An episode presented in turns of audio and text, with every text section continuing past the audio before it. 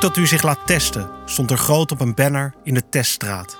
Ik had sinds een aantal dagen keelklachten en vanmorgen was de zelftest positief geweest. Een vervreemdend moment. Na tientallen zelftests in twee jaar tijd, de eerste met twee streepjes. Wie zo vaak negatief test, krijgt het gevoel onaantastbaar te zijn. Niet dus. De rij voor de teststraat deed me een moment denken aan de Efteling. De laatste keer dat ik in een rij had gestaan was voor de Baron.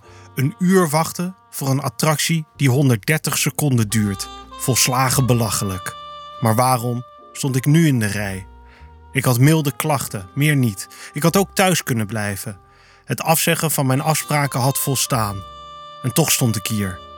En ik niet alleen. Ik zag voor en achter mij legio mensen staan. En als wij weg waren, zouden anderen onze plaats innemen. Op de parkeerplaats was het een komen en gaan van auto's. En niet alleen hier, op een bedrijventerrein aan de rand van de stad, honderden plekken in het land. Het jongetje voor mij in de rij kreeg een jojo met lichtjes nadat de teststraatmedewerker hem had getest. Ik ging met lege handen naar huis, waar ik de deur achter mij goed dicht zou doen.